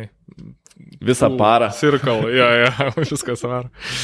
Ja. Uh, taip, ar turite tai ką apie... Projektą? Ai, side projectai, ok. E, nežinau, šiuo metu tokio aktyvaus dabar neturiu, tokio, kad labai taip smarkiai e, prie kažko dirbčiau. Tai ja, dabar kol kas šitą esu, nežinau, apleidęs galbūt, nes ir darbo, pačiam, pačiuose darbuose daug yra to tokio dabar su, sudėtingų iš tikrųjų užduočių, tai biški būna kartais jau grįžęs nori atsipalaiduoti. Podcastas yra daugiau. dabar tavo side projektas. Lemba, jo, iš tikrųjų nepagalvojau, kaip aš šitaip. jo, e, jeigu taip galim pasakyti, jo, iš tikrųjų. Jo. Podcastas. O pas tave kaip? Aš turiu ir aš turiu iš tikrųjų gan visai tokių įdomių dalykų, iš kurių tikriausiai pavyktų išdevelopinti kažkokį tai servisą ar kažką. Bet e, taip pas mane yra e, kažkada tokiais tintais aš atsisėdu ir kokias dvi savaitės taip rimtai papušinu ir pajudu į priekį. Mm. A, bet a, e, aš tiesiog turiu per daug side projektų, aš turiu daugybę side projektų ir nebespėju ir tada dropinti juos pradedu ir tas mane erzina. Ir labai, labai erzina tokie dalykai, kad a, tikrai daug būni padaręs ir tikrai yra pusiau veikiantis daiktas, kuris realiai veikia, bet dar reikia kažką padaryti, kad pabaigtum, nes e, dabar mano, kaip pastebėjau, side projektai nebėra tokie, kur tiesiog atsisėst, pasižaist, o mhm. sugalvoji kažkokią problemą išspręsti ar, ar kažką ir tada sėdi ir tiesiog praktiškai kaip, kaip ir darbė, taip pat, kad tu rašai softą, kuris sprendžia kažkokią problemą. Aišku, ne tokia yeah. didelė, bet uh, minimaliai vieną kažkokią labai siaurą problemą jisai, jisai išsprendžia. Yeah. Tai, tai jo turiu. Ir aš, aš manau, kad visiems labai reikia turėti ir aš tengiu savo side projektus rinktis taip, kad, na, nu, kaip, ir, kaip ir kalbėjom, kad kažką naują pačiupinėti, kažką naują išmokti. Ja, man, man gal didžiausia problema su side projektais, aš nesusigalvoju savo motivuojančios temos, ką aš norėčiau gal padaryti. Technologinio atžvilgio aš turiu, žinai, kalbų, frameworkų ar ten kažkokių dalykų, ką aš norėčiau pasimokinti. E, bet to tokio, vat, kažkokio projekto, kurio jau pradedant daryti, žinai, kad nenumesi, žinai, mhm. nu, vat, aš norėčiau, kartais sunku man sugalvoti būna, nes iš tų tokių praktinių atrodo dalykų, nu, jo, gali kloną daryti arba gali ten e, kažką, ka, ka, kas tau palengvintų galbūt daily dalykus, iš kitos pusės jie jau yra padaryti, tai toks būna tai motivacinis kartais. Dėl to, kad tu jau, ta prasme, nebėra tavo side projektai, kur tu, tau excitementas yra išmokti kažkokį dalyką. Jis yra nu, excitementas, galbūt. bet ne tiek stiprus kaip pačioj pradžiai. Tai aš, aš ką darau, aš visada įterpiu kitus žmonės. Dėl, mm. dėl to iš karto jie jie aktualūs pasidaro, jie pasidaro naudingi ir sprendžiantis tikrą bėdą. Ir e, yra kažkokia tai ir atskaitomybė, ir motivacija prieš, prieš tą kitą žmogų. Tai Nu, ja, jeigu ne, nebent dar su, va, su kažkuo kartu, jo, jeigu darai kažką. Tai ir, ir tie tada... žmonės dažniausiai netechniški ne yra. Jie, pavyzdžiui, kalbės su kuo nors. Nu, kaip, kaip aš, pavyzdžiui, ateinu į savo side projektus, kalbu su kuo nors.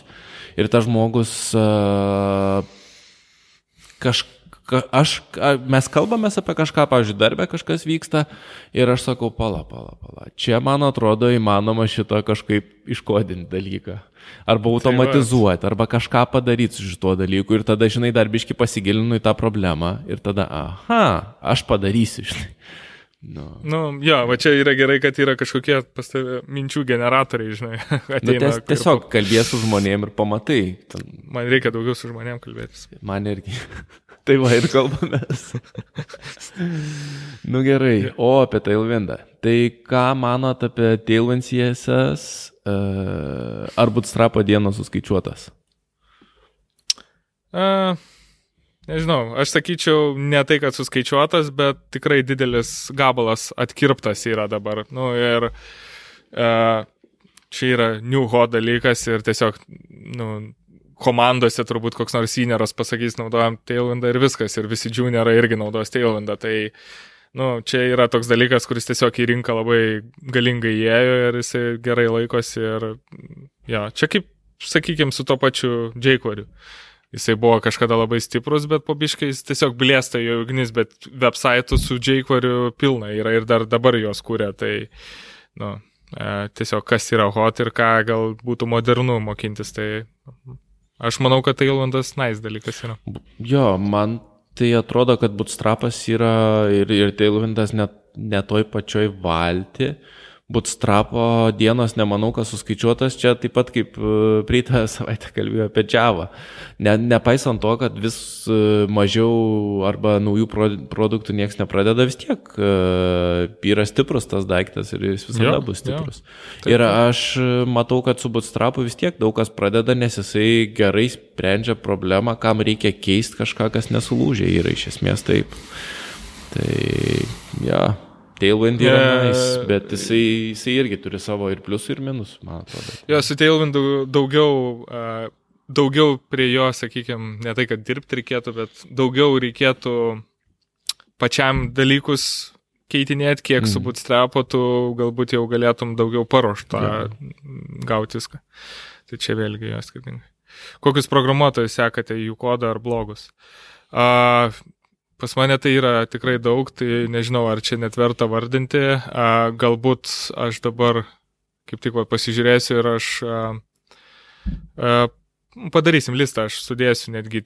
Šiaip pagrindė mano visi followinami programeriai tai yra Twitter'e, mhm. nes Twitter'is iš tikrųjų labai kokybiškas ties šito dalyku yra, ties vat, kažkokių minčių pasidalinimų. Tai aš iš tikrųjų Twitter'į pradėjau, kaip aš siekti, pradėjau tos pagrindinius visokius, ten frameworkų kuriejus, ne, ten mhm. visokie Evan U ir taip toliau. Ir po to jie retvytina kažkokius kitus dalykus, jo, jo, ateini ant žmogaus, pamatai, kad jisai irgi yra kažkoks ten full stack arba ten senior developeris, jį pafollowini ir taip toks ratas užsisuka. Tai iš tikrųjų, jo, dėl followinimo aš sakyčiau, Twitteris yra e, go-to mm. uh, pabiškai tai susilipdai tą savo visą portfelį, kurį sekė jo. Jo, tai podcastai lygiai taip pat, iš tikrųjų, daug sužinojau podcastų irgi iš Twitterio, nes tiesiog tie patys developeriai pasidalino. Tai aš turiu ir blogų folderį, matau, pas mane yra čia kokie 15 o. ir, ir, ir šitų, nu čia aišku, mano personal, ką aš mėgstu skaityti ir, ir, ir temas, ta prasme, tai gal kažkam netaip įdomu bus, bet, bet jo, galėsim pasidalinti, aš visus tos linkus turiu. O su blogais, e, su podcastais, tai, nežinau, ai, nu, čia podcastų net ir nereikia, bet čia galim prie to pačio, tai Kodino LT toks žiauriai geras yra. Lemba tai- lietuviškas, tai, tipo, apie ką? Jo, jo, šiaip, jo, girdėjau, kad ten neblogai. Nu, prasme, jie keletą epizodų jau yra išleidę, Aha. bet jo, tobulėja tenais viskas eina vis gerin. Tai Su videku gal dabar pradės daryti. Vienas jau buvo čia pastarasis jo, e, tai toks visai neblogas gavos. ir, e, ja, ir, tu prasme, tikrai verta. Mm. Aš tai turbūt irgi galiu prisidėti. E, aš mėgstu mėgstu sekti tuos bičius, kur yra su barzdom ir ilgais plaukais ir tipo kokią nors Hipsteris? mintį numeta. Ne, ne, po tie se- seni dėdai programeriai numeta Ai, kokią nors tokios. mintį. Tipo, ir jie labiau apie filosofinius dalykus rašo. Kartais suprantu, kartais nesuprantu, bet tiesiog paskaitinėjau. O pastebėjau aš su grinai tais developinimo dalykais ir madom ir visokiom, kažkaip man atsibodo, nes atrodo tas pats per tą patį, arba ten tos diskusijos yra tokias apie ar geriau žali kibirai, ar plastikiniai kibirai, ar skardiniai kibirai, žinai, nu, ne, man tai... Jo, kartais netgi to, to, tą pačią temą kokią nors paliečia ten su tais pačiais, aš kai sėku panašaus konteksto, uh, tos, pavyzdžiui, view developerius, tai vienas tą patį temą kokią nors, kaip ten kokius komponentus daryti, kitas irgi kitaip, bet biški iš kitos pusės, bet vis tiek tas pats. Jo. Same, same, but different. Tai O, Tai jo. o iš esmės, jeigu tu nori kažkokią problemą išspręsti, aišku, yra, yra bėda ta, kad tu gali nežinot, ko tu nežinai, tai, tai to jau ne, nepagausi. Bet dažniausiai researchinamas kažką kaip padaryti, tu pamatai, arba žiedamas į source kodą, tu pamatai tuos visus dalykus. Mhm. Tai aš kažkaip labiau esu linkęs tiesiog į kodą žiūrėdamas pamatyti kažkokius naujus patternus ar kažką ir tada pamatai, aha. Jo, ko- kodą pasiskaitinė, No. tai labai įdomu. Aš e, pačiam ir GitHub'e irgi followinu tiesiog. E, lygiai ties pačius iš blogo, dažnai jie turi savo GitHub'o Jo, jo. e, linkus. Tai vėlgi, įeini, pasifollowini, tada pamatai, kad jie kitus followina, nu ir taip Mhm, vėlgi užsisuka ratas. Bet jo, pasiskaitinėti kodą labai įdomu iš tikrųjų yra Jo. apie dalykus. Nu, ar kilo mintis į backendą kada nors vičinti? Jo, iš tikrųjų ne vieną kartą buvo kilus, bet aišku, aš turbūt vis tiek veda mane viskas prie to, kad aš daugiau galbūt patapsiu full stack negu būtent backenderiu, nes, nu, vėlgi, kiekvienas rytis savo turi pliusų ir minusų ir kažkurie dalykai labiau ten patinka, kažkur, kažkokie kitur. Tai, e, nežinau, e, jo, prasme, jeigu taip paprastai atsakant, tai tikrai kylo ir ne vieną kartą ir ne per seniausiai netgi buvo tokių minčių. Nes, na, nu, aišku, paprasčiausias būna problemos, kai tau, nežinau, neišeina kažko padaryti tam frontendį ir galvoja, ai, blemba, backendį ir būčiau, tai nebūtų čia tokių problemų. Bet būtų ir tų problemų ir tam pačiam backendį ir gal net dar baisesnių. Tai Tai jo. jo, čia, čia tiesiog vėlgi skonio reikalas, kaip kam kas patinka. Aš tai nežinau, ar čia ar paslaptis ar nepaslaptis, bet e, JavaScriptą abiejose pusėse rašau jau, nežinau, nuo gal metam praėjus, gal dviem metam nuo to, kai pradėjau programinti, pradėjau visą rašyti. Mhm. Ir e, dėl to, kad aš pajutau tiesiog gribas, man e, ir šiaip aš norėjau JavaScriptą mokytis dėl to, kad abiejose pusėse veikia, tai čia buvo mhm. pirmas. Ir tiesiog pajutau limitationus, ypač kai buvo freelancinimo projektai, kad nu, tu negali visko vienas atlikti, jeigu tu nemoki backendą rašyti. Ir e, aišku, tu gali ten mėginti čytinti su kokiais nors Firebase'ais ar dar kažkuo, bet vis tiek Jo. atsidurs anksčiau ar vėliau į tas bėdas. Aš nepasakyčiau, kad esu labai geras backenderis, uh, bet uh, nu, Turi jis- gerą suvokimą. Ta tai prasme, veikia, ne? įsirašyti į database, ten kažką pastorinti, kažkokį servisą pasikviesti, susistruktūrą savo applicationą pasirašyti. Uh, tiesiog vi- visus tos dalykus žinau ir O- ne, nekilo pa- kažkokių problemų. Pasvardus su hashinė, viską ten darai. Su ša1 gal nedarau. Plain. E, stringą tai plain stringą tiesiog padauginu iš datos. Maždaug. Ir, ir, sold, ir išsaugau datą kitam ir paskui padalinu iš datos viską pasivertęs į stringų savo. Tai ko čia dabar pasakė algoritmą, dabar visi žinos, kaip at- atkoduot pas. Atdaugins iš datos. Bet iš, iš kokios datos? A, čia A, reikia nu, žinoti, o čia reikia žinoti. Tiks... Ne, aš juokauju iš tikrųjų. Su pasvardais, kaip ir kalbėjome, mes, e, aš nežinau, ar kartu, ar kažko svarbu gerų praktikų laikytis. Nu, tai jeigu tu ateini ir matai kodo pavyzdį rimtoj bibliotekoje, visada tas kodo pavyzdys yra geras ir tvarkingas. E, Jeigu, bet jau man, kai buvo su, su pasvardais, tai įsijungi Stack Overflow, how, to ha how ha password hashing works, paskaitai, paskaitai komentarus, kodėl kažkas, kažkoks būdas yra blogesnis už kitą ir viskas. Ir, Šiaip jo, vis tiek backendas ir, nu, ir frontendas, bet backendas dar labiau gal net sakyčiau iš tokių gabalų susideda, e, iš daug serviso, ne, papildomų. Nes, nu, frontendas tai daugiau mažiau tu vis tiek pasirinkai, sakykime, frameworką ir ties juo dirbi, dėdės nebent kažkokius UI-inius uh, pluginus ir taip toliau, bet, pavyzdžiui, backendas su sulibdyti, tai tau reikia kažkokio mokėjimo serviso. Yra atskiras dalykas, ja. reikia ten kažkokią dombazę pasijungti, atskiras servisas. Daugiau libdais, o visi šitie e, dalykai, jie yra tikrai plačiai naudojami ir jų irgi įvairovė didelė, labai patyrusių developerių parašyta, mm. tai tos sulibdyti, naudojantis ten gerom dokumentacijom. Tikrai. Nu, vat, gal, gal su JavaScript biški bjauriau yra tas, kad nėra to tokio uh, griežto frameworko, tu su Expressu ar, ar ten su kokiu apiu, tai iš esmės visiška laisvė yra, yra tik tai kažkokios ja. minimaliai problemos įspręstos ir tada jau tu pats turi susidėlioti. Bet yra, yra tiesiog irgi tam tikros praktikos ir viskas. Uh, Toliau žiūri mane aštuntas, kaip ja. neprogramuotojams ir ne IT žmonėms aiškinate, ką veikiate darbe. Uh, iš ja, tikrųjų, pas mane gal netgi, ja, pas mane gal sunkiau netgi yra paaiškinti tai, ką aš veikiu darbe. Ir šiaip iš tikrųjų jau senai niekas neklausia. Bet uh, labiau sunkiau paaiškinti yra uh, būtent ką įmonė daro, e, tu prasme, ką pardavinėja pats projektas, e, negu ką aš ten darau. Nes kažkaip jau tas turbūt modernus laikai jau atėjo ir jau pradeda visi tą išprusimą įgauti, kas tie programeriai ir kuo jie skiriasi nuo ten kokiu nors, e, kur Windows susirašinėja žmonių. Ir, nu, iš tikrųjų giliai nepapasakosi vis tiek, ką tu ten darai, nes tau reikėtų vis tiek jau pradėti kalbėti apie kažkokią programavimo kalbą ar kažką. Tai tokius lengvus tutorialus kartais būna smagu pa, pa, pakalbėti ir pabandyti netgi papasakoti žmogui, e, kuris, nu, visiškai, visiškai nieko to neturi, tai toks baby stepsais, kaip penkiamečiai paaiškinti, tai pačiam net, nu, iš tikrųjų įdomu, nes tai biškai reikia pasukti tas smegenis.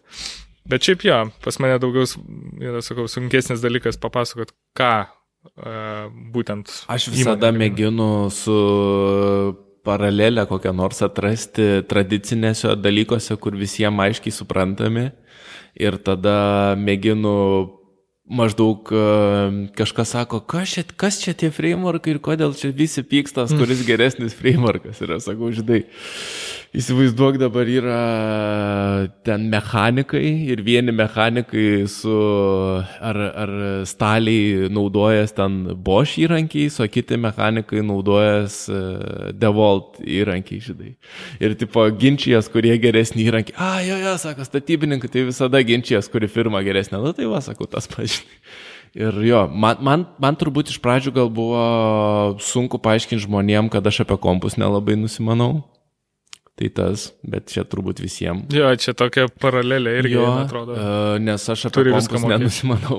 Uh, nežinau kaip, nu, perrašyčiau, aišku, Windowsus, bet nelabai žinau.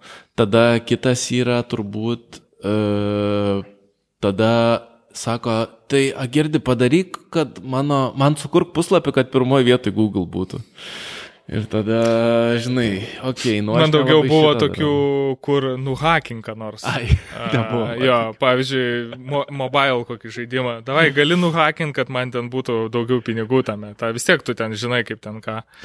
Tai va, ši, ši, šitie tokie man biškijo. Arba ten socialinė netgi kokia nors. Ar įmanoma kažkaip nuhakinti šitą dalyką. Tai kartais tas įsivaizdavimas irgi čia yra pa žmonių kitoks, jo.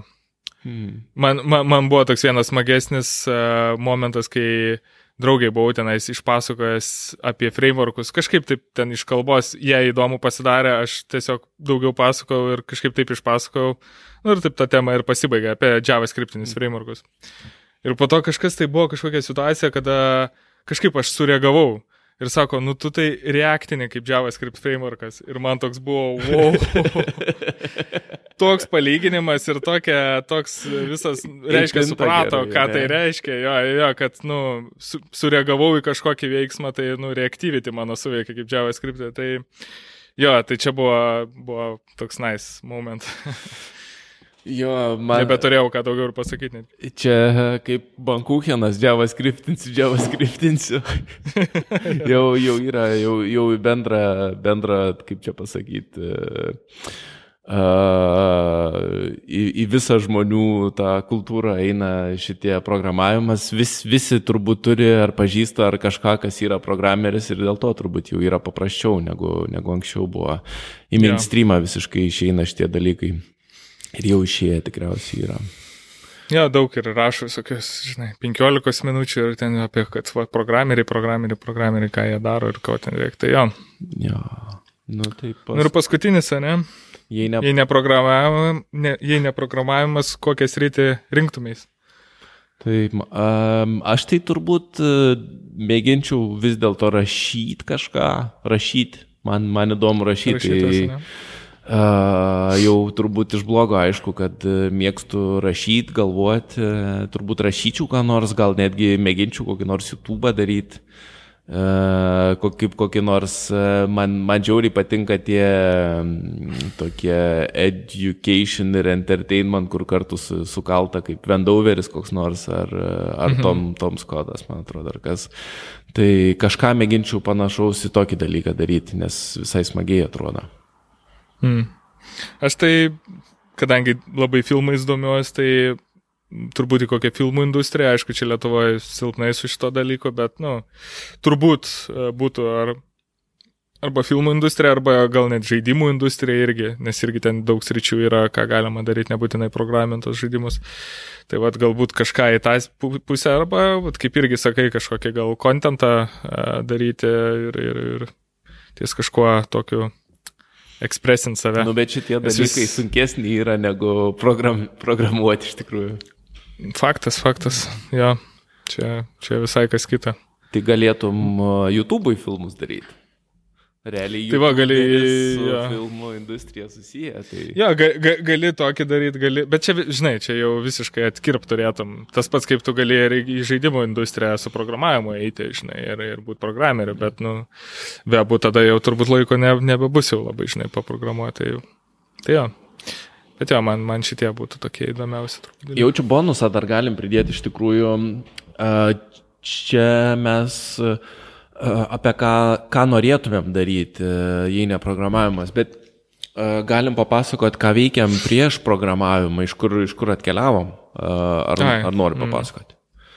Papasakoti? nu, aš tai galiu, ta prasme, ja. mano prieš tai darbas buvo, aš tai iš vis visiškai nei tema, pas mane buvo su muitinės tarpininkavimu susijęs darbas, nu, muitinės tarpininko atstovas. Tai realiai dokumentai, dokumentų rašymas, importai, eksportai ir taip toliau. Tai Administracinis darbas realiai. Popierinis administracinis darbas, kuris realiai turi savo ribas ir tu pasieki tam tikrą lygį ir, ir ties čia sustoja. Tu tiesiog gerai darai dokumentus ir e, labai reikia daug kalbėti su dėdėm pareigūnais, muitininkais. Tas irgi yra ne pati smagiausia dalis. E, aišku, visokios klaidos irgi gali kainuoti tau nepigiai. Ne, ne tai nežinau, man toksai pasirodė boring galiausiai darbas, tai ja, viena iš priežasčių, dėl ko turbūt ir norėjau kažką tokio kitokio, nes, nu, atsibodo. Jo. tai jo, tai čia ne, ne, ne, ne, niekada nebuvau arti programavimo ar kažkas tokio. Tai va. Jo, cool. Aš, aš irgi, uh, paskutinis darbas prieš, um, uh, prieš programavimą, tai aš dirbau baldų įmonėje, tai ten uh, viską dariau, net išmokau su staklėm visokiom ir įrankiais elgtis, nors visiškai mano rankos iš alkūnio auga ar kaip tenai.